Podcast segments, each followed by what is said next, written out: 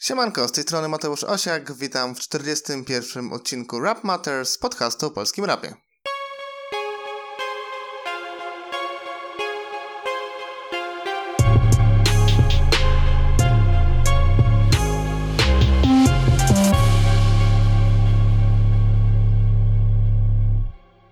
Dziś w programie single, paździerz tygodnia, jedna premiera i będzie to płyta Stoner, Pryksona Fiska, Booster, Fałki, Junkie EP, e, Płyta tygodnia, którą jest Nowak Wel-Nowaczyński na bitach nocnego, sztuki wizualne i Road 66, gdzie mamy płytę Mikiego Factsa Mickey Mouse. W tym tygodniu nie zostaliśmy rozpieszczeni singlami. Wspomnieć można na pewno o Speedym Gonzalezie, OG Olgierda, znanego z kawałka Message z Belmondo, w którym ku zdziwieniu wszystkich e, nie odstawał od młodego OG.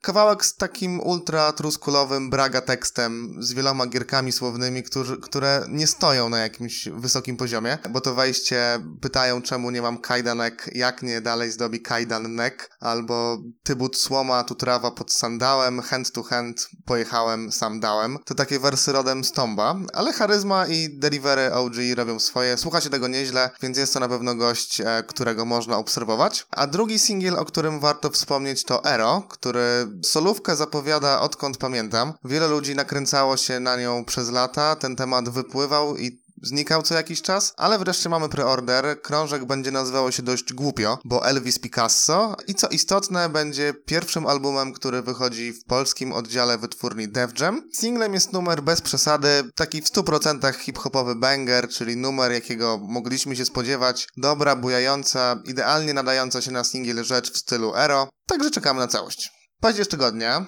znalazł takich hitów jak Disco Polka czy Coca Hera Hash LSD, Karolina Czarnecka zalicza wjazd w polski hip-hop. Zderzam wschód z zachodem, sakrum z profanum, folk z rapem i nieustannie szukam świeckiej duchowości. Tak mówi o singlu i o płycie, a pierwszy singiel, czyli Módl się za nami, to po prostu wielki paździerz. To numer zbyt przerysowany, pełny egzaltacji, misji, napinki na to, że ma to być jakieś artystyczne i że ma zmieniać. Nie wiem nawet, co ma to zmieniać, ale słuchając tego czuję, że to ma coś zmienić w moim życiu. Wyszła kopalnia rymów częstochowskich pełna nierównych linijek, przez to zdarzają się takie potworki jak więc nie będę świata zbawiać swym orędziem w jednym wersie. Taki dość pokraczny i strasznie długi wers. No jest też kreowanie się na to, że autorka była odmienna, bo bujała się z chłopakami i grała z nimi w piłkę. No i nie wiem niby czemu miałoby to być takie dziwne i inne, skoro w każdej wsi i na każdym osiedlu i na każdym boisku, no były i są dziewczyny i nie jest to jakieś dziwne, czy coś w tym stylu, więc tak jakby nie rozumiem jej argumentu, że skoro nie bawiła się lalkami, to jest jakaś inna. Także ostatnio mieliśmy przykład na to, jak kobiecy rap powinien wyglądać i mowa tu oczywiście o Margaret, e, a teraz mamy przestrogę przed tym, jak nie robić kobiecego rapu. No bo wejście w rap w taki sposób, że a, rap jest popularny, to spróbuję, to spróbuję i ja, no to po prostu nie może się udać.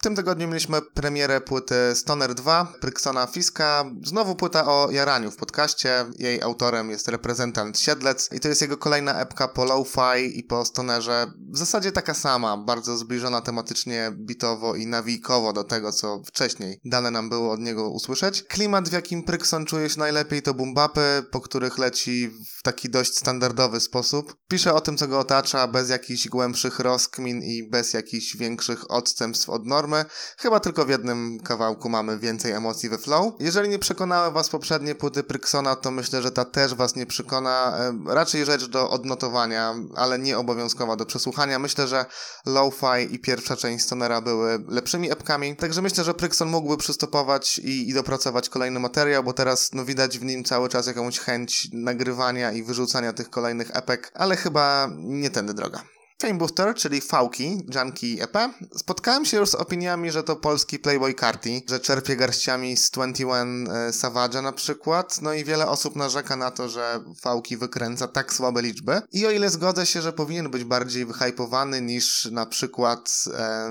i w sumie nie wiem kto, bo trudno Fałkiego do kogokolwiek porównać. Takim pierwszym skojarzeniem jest Pickers, ale Pickers też jest raczej niedoceniony, więc wolałbym zestawić Fałkiego z kimś bardziej znanym i nawijającym w podobnym stylu, ale chyba sobie nikogo takiego teraz nie, nie przypomnę. W każdym razie daleko mi jeszcze do używania wielkich słów, jeśli o niego chodzi. E, jeśli też chodzi o, o Junkie EP, to na pewno ciekawy gość, z potencjałem, z własną stylówką i z pomysłem na robienie hitów. Taki Zinedine to sztos. E, ale słychać jeszcze u niego chałupniczość, braki w dykcji, jakieś zupełnie nietrafione wersy i to jest jeszcze do, do szlifowania i na pewno nie ma go co zagłaskiwać już teraz, tylko trzeba na niego zerkać. No i myślę, że może się ładnie rozwinąć. Junkie jest materiałem, którego się dobrze słucha, jest epką też, na której prezentuje wszystkie swoje zalety, więc myślę, że warto dać mu szansę. I płyta tygodnia, czyli Nowak Welnowaczyński, Nocne, Sztuki Wizualne. Flint zaczął od nowa, e, chyba już kolejny raz. Brakuje mu szczęścia. E, Koka nie potrafiła go wypromować. Bardzo dobry materiał, jakim była Zła Sława, przeszedł zupełnie niezauważony. E, nie pomogło mu bycie prezenterem w Hip Hop TV.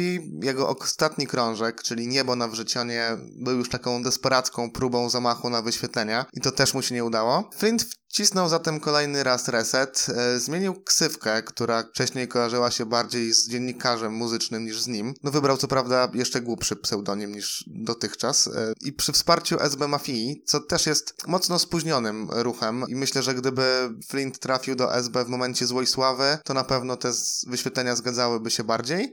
I teraz jako Nowak Welnowaczyński próbuje na nowo podbić scenę. E, pierwszą decyzją, decyzją mądrą i myślę, że podyktowaną właśnie współpracą z SB Mafią jest kooperacja z Nocnym. E, gościem, który produkuje rzeczy nie będące może jakimiś wielkimi bangerami czy hitami, ale są to podkłady bardzo przyjemne w odsłuchu. Takie nieofensywne, marzycielskie, bardzo radio-friendly i myślę, że można go spropsować za to, bo, bo ma już wyrobiony ten właśnie swój styl. E, pasuje też do Flinta. Przepraszam, ale ten Nowak Welnowaczyński to ksywka zbyt długa, by tak mówić o Flincie. I pasuje też do patentów e, na kawałki, bo Flint dalej lubi budować utwory taką dość spokojną narracją, która ma swoje ujście w głośnym, krzyczanym często refrenie. I tutaj mamy przykład tego choćby w storytellingu na Afterze o dziewczynie poznanej przez Flinta, która okazuje się królową nocy i królową ćpania. No i właśnie w takiej konwencji te bity nocnego, najpierw e, spokojne, klimatyczne, a później uderzające, no bardzo pasują do, do rapu. Flinta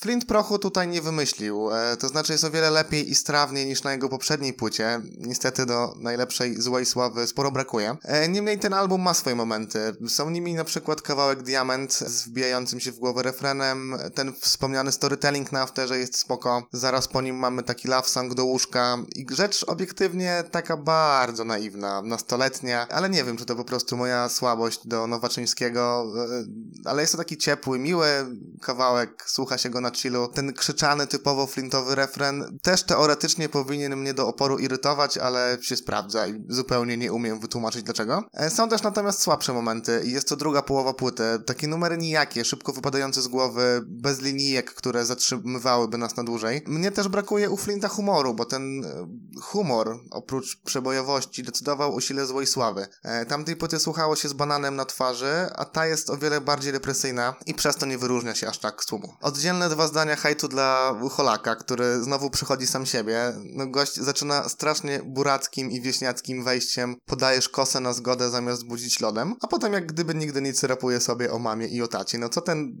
co to jest za persona, to, to ja nawet nie. Całość sztuk wizualnych to takie typowe 6 na 10. Mimo mojej naprawdę wielkiej sympatii do Flinta, to, to nie jest to najlepszy krążek w jego karierze. To wciąż zbyt mało by porwać tłum i, i zbyt wiele jest tu momentów, które nam uciekają. Na szczęście Nowaczyński przestał przestał tryhardować, nagrywa kawałki solidne, wziął sobie utalentowanego producenta i sztuki wizualne są dla niego krokiem w dobrą stronę. Pytanie, czy jego czas na scenie nie minął kilka lat temu, bo obawiam się, że dla nastolatek może być już zbyt stary, a dla starych słuchaczy zbyt nastoletni i Route 66, Mickey Facts i mixtape Mickey Mouse. Dzisiaj drogą 66 jedziemy do nowojorskiego Bronxu, skąd pochodzi Mickey Facts. Wehikułem czasu cofamy się najpierw do roku 2012, w którym Facts wydał znakomity mixtape Mickey Mouse, ale samo obcowanie z tym albumem przynosi nas w lata 80. E, jeśli chodzi o odwołania do lat 80., to one obecnie zupełnie nie dziwią, są wręcz modne. No by daleko nie szukać, to w Polsce mamy LTE Boys Global i Shaftera, którzy grają na tym resentymencie do tamtych czasów, czy tęsknotą za czymś, co nas ominęło. Ale patrząc globalnie widać, jak olbrzymią popularnością cieszy się serial Stranger Things, który pokazuje lata 80. jako taki sielankowy czas granie w planszówki, zabawy z walkie-talkie, czy salony automatów z grami. No wszystko w tej takiej preinternetowej i precyfrowej erze wygląda na miłe, swojskie, takie niczym nieskażone. Oczywiście obok tego mamy walkę z Demogorgonem, ale tam kto by się nim przejmował, prawda? Mickey Facts przedstawia nam lata 80. w zupełnie inny sposób, e, z zupełnie innej perspektywy, bo nie z suburbiów, a z centrum Nowego Jorku.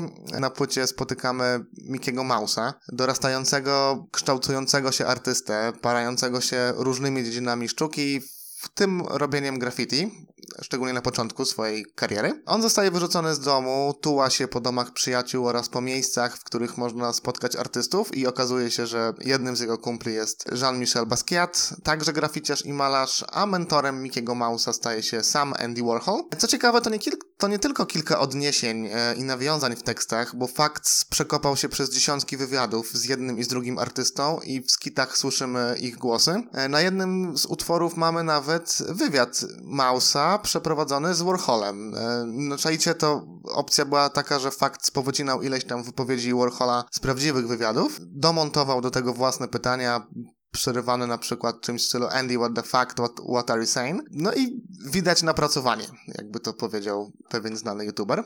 Lata 80. oczami Mausa tylko gdzie niegdzie są sielankowe. Autor, podobnie jak Dustin i jego banda, też grał w Dungeons and Dragons i oglądał e, wrestling. Niemniej, żyjąc blisko ulicy, dotykały go rządy Ronalda Reagana. Krytyka Reagana, nawiasem mówiąc, to też jest często przywijający się motyw wśród raperów i Killer Mike i Kendrick Lamar to tylko dwie najgłośniejsze ksywki, które e, atakowały go choćby za to, że za jego rządów wzrosło bezrobocie, ale też wielką popularnością cieszyły się narkotyki. I ofiarą narkotyków e, był właśnie Basquiat, który w wieku 28 lat przedawkował heroinę i na płycie mamy taki numer The Art of Death, na którym fikcyjny Mickey Mouse uczestniczy w pogrzebie realnego e, Basquiata i, i bardzo go przeżywa. To jest w ogóle fenomenalny moment tego mixtape'u, bo ten smut smutny numer. Poprzedza go taki kawałek z elektronicznymi dronami, z takim solidnym kopnięciem, który nazywa się Taking Pictures of Girls Naked. To chyba mój ulubiony kawałek z tego mixtape'u. Mouse opowiada tam o tym, jak robi zdjęcia nagim dziewczynom. Mamy bardzo przemawiające opisy.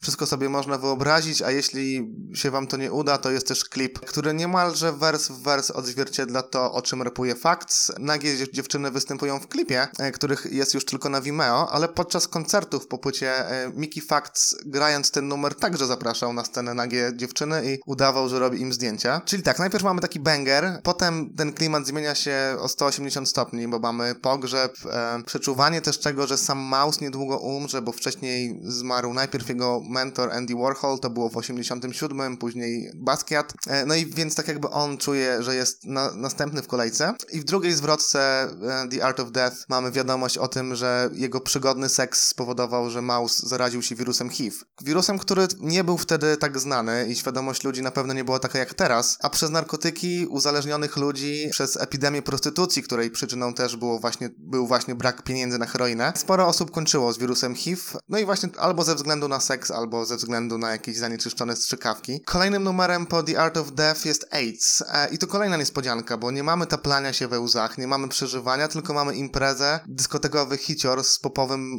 refrenem, którego motywem przewodnim są słowa, że jeśli mam dziś umrzeć, to będę żył tak, by wykorzystać to życie w 100%. Także ten roller coaster emocji robi swoje. Chyba sprzedałem już wystarczająco dużo fabuły, e, ale nie martwcie się, bo zostało na tym mixtape ze trzy razy tyle treści. E, smutnym faktem jest to, że nie znajdziecie Mickey Mouse w zestawieniach najlepszych mixtape'ów. Nie znajdziecie jakiejś oszałamiającej liczby recenzji. Ta płyta została zupełnie przegapiona i, i, jest już w zasadzie zapomniana. I powody są według mnie cztery. Pierwszy z nich to jest długość płyty, bo trwa ona godzinę i 23 minuty. Po drugie, ta płyta jest dosłownie przegadana. W sensie mamy tam momenty, w których Mouse nagrywa swoje przemyślenia na dyktafon i na przykład gada przez 3 minuty. To są ciekawe rzeczy, to, to buduje klimat, to wprowadza konteksty i to jest olbrzymią wartością dodaną. No ale wiecie, niełatwo tego słuchać i, i trzeba być w pełni skupionym. E, po trzecie, trudno jest wyciągnąć z tej płyty pojedyncze numery, które można by komuś zaprezentować jako single. Pewnie Hulk Hogan and Crack by się nadało, może Taking Pictures, e, ale gdy słuchamy ich oddzielnie, one tracą na wartości. E,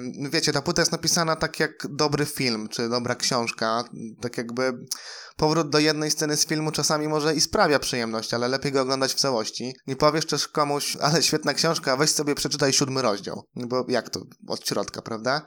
Zupełnie bez sensu. No i ta płyta też taka jest. Jest mega spójna, trudno jej nie słuchać w całości, a z drugiej strony też trudno ją słuchać w całości, no bo długość i gadanie. I czwarta rzecz to produkcja, która wtedy mogła być przegięta, zbyt przegięta dla ludzi. Teraz myślę, że łatwiej byłoby ją strawić, ale chodzi mi o to, że jest tam mnóstwo sampli z elektroniki, są sample z Deadmausa, czyli gościa od Electro House'u, no i to w 2012 roku mogło budzić taki hip-hopowy sprzeciw, ale mnie się to bardzo podoba i ta elektronika i te zmiany nastrojów autora, jego flow, które czasami jest naprawdę wybitne. Cały ten koncept, całe to, całe to, że ta płyta jest tak spójna, tak logiczna, tak ociekająca artyzmem, pojawia się tam mnóstwo nazwisk z tego artystycznego środowiska lat 80., że jaram się tą płytą niezmiernie i bardzo gorąco polecam, bo, bo ten projekt zasługuje na to, by go dostrzec. E, I to wszystko na dziś. W tym tygodniu wleciała recenzja wideo pocztówki z Warszawy, Taco Hemingwaya, którą możecie zobaczyć na YouTubie. Podpiszę wszystkie potrzebne linki, zapraszam na grupę oraz na fanpage. Jeśli się Wam podobało, to dajcie znać, że jesteście i do usłyszenia w przyszłym tygodniu.